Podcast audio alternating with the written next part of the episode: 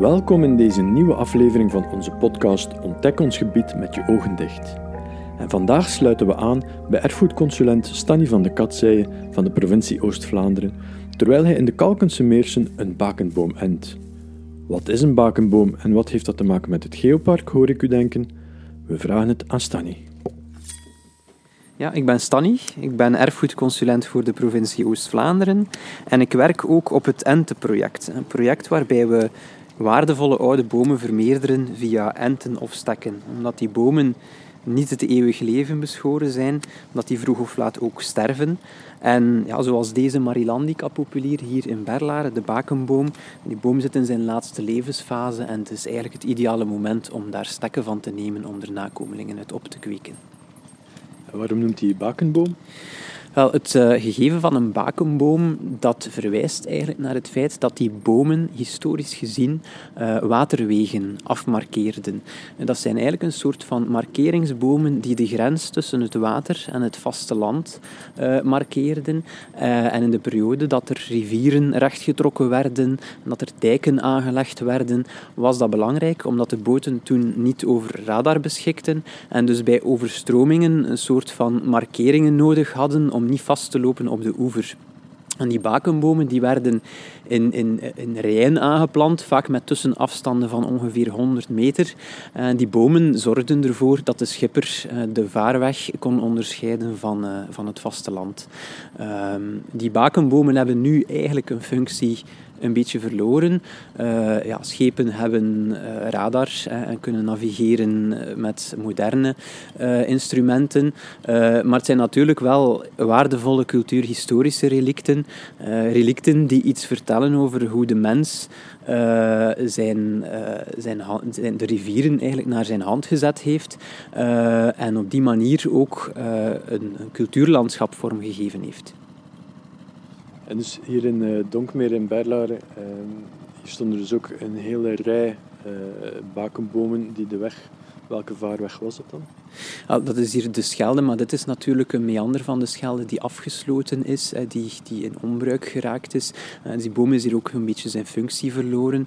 Het is wel zo dat zo'n prominente bomen een, ondertussen ook een, belangrijke biologische waarde gekregen hebben. Het zijn vaak nestplaatsen, soms zelfs voor roofvogels. Ze hebben ook heel wat schimmels verzameld rond zich. Zo'n boom in zijn laatste levensfase is zeker niet minder waard, is juist meer waard, omdat hij een hele bio biotoop rond zich heeft, van de kleinste organismen tot, tot grotere dieren eigenlijk. En zijn het dan altijd dezelfde type bomen als bakenboom? Of moesten die uh, groot zijn, moesten die breed zijn? Bakenbomen, eh, bakenbomen zijn een fenomeen dat heel vaak voorkwam langs de Maas, maar dus ook soms langs de Schelde. En er zijn twee soorten die daarvoor vaak gebruikt werden. Dat zijn populieren en dat zijn essen. Uh, dit is een populier, een Marilandica populier, een heel erg oude populier. Uh, en dat is omdat Marilandicas zijn eigenlijk oude populiere rassen die nu een beetje in de verdringing komen. Uh, hebben de de kaarsrechte Canada-populier heeft het gewonnen, gewonnen van, die, van die oude rassen. En uh, het voordeel is dat zijn trage groeiers. Dus die kunnen heel erg groot, maar ook heel erg oud worden. Hè. Deze uh, populier is door dendrochronoloog Christophe Hanika geraamd op toch wel een leeftijd van 150 jaar. En dat is heel erg oud voor een populier. Andere boomsoorten worden ouder, maar voor populieren is dat echt wel een hoogbejaarde boom. En wat is voor u nu de volgende fase in? U bent nu de, de takken aan het knippen, aan het verzamelen. Uh, wat is de volgende stap? De volgende fase is dat de takjes naar het erfgoeddepot in Ename gaan. De takjes zijn nu in rust, dus ze hebben geen blad. Het is winter, dus er staan mooie knoppen op. En we houden die nog even in rust in onze koelcel. En onze koelcel is het 4 graden. En die koelcel ja, die imiteert eigenlijk een beetje de buitenomgeving. En zolang dat het 4 graden blijft, gaan die niet uitlopen. Maar op het moment dat de lente daar is, dan gaan die uit onze koelcel, dan gaan die naar ons arboretum in Eeklo. En in Eeklo worden ze dan uitgeplant in volle lucht. En daar gaan ze dan blad beginnen aanmaken enerzijds. En aan de onderkant onderkant gaan er dan worteltjes komen. En dan worden dat ja, veteraantjes in speda, worden dat kleine bakenboompjes uh, in volle groei. Uh, we mikken op een honderdtal uh, aan, opkweken om toch zeker een vijftigtal nakomelingen over te houden van, van de bakenboom. Weet je nu al waar dat die geplant worden? Uh, ja, uh, mijn collega's uh, van de provincie gaan die hier waarschijnlijk terug in Berlaren aanplanten. Dus dat is wel een mooi verhaal. Dat één bakenboom die stilletjes aan naar zijn einde gaat, 50 nieuwe nakomelingen in Berlaren zal krijgen. Ja. de Kalkense Meersen is een geosite in het Geopark. En Zo'n bakenboom is in zo'n geosite natuurlijk wel een interessant gegeven, omdat het eigenlijk een beetje een symbool is dat de wisselwerking tussen de mens en de natuur illustreert. Uh, de natuur, uh, waarbij de Schelde ooit een, natuurlijk, natuurlijke loop had met meanders. De Schelde die in Berlaren daar, Berlare Donk heel wat sporen van achtergelaten heeft in het landschap en de bodem. Uh, maar ook onder de vorm dus van zo'n bakenboom.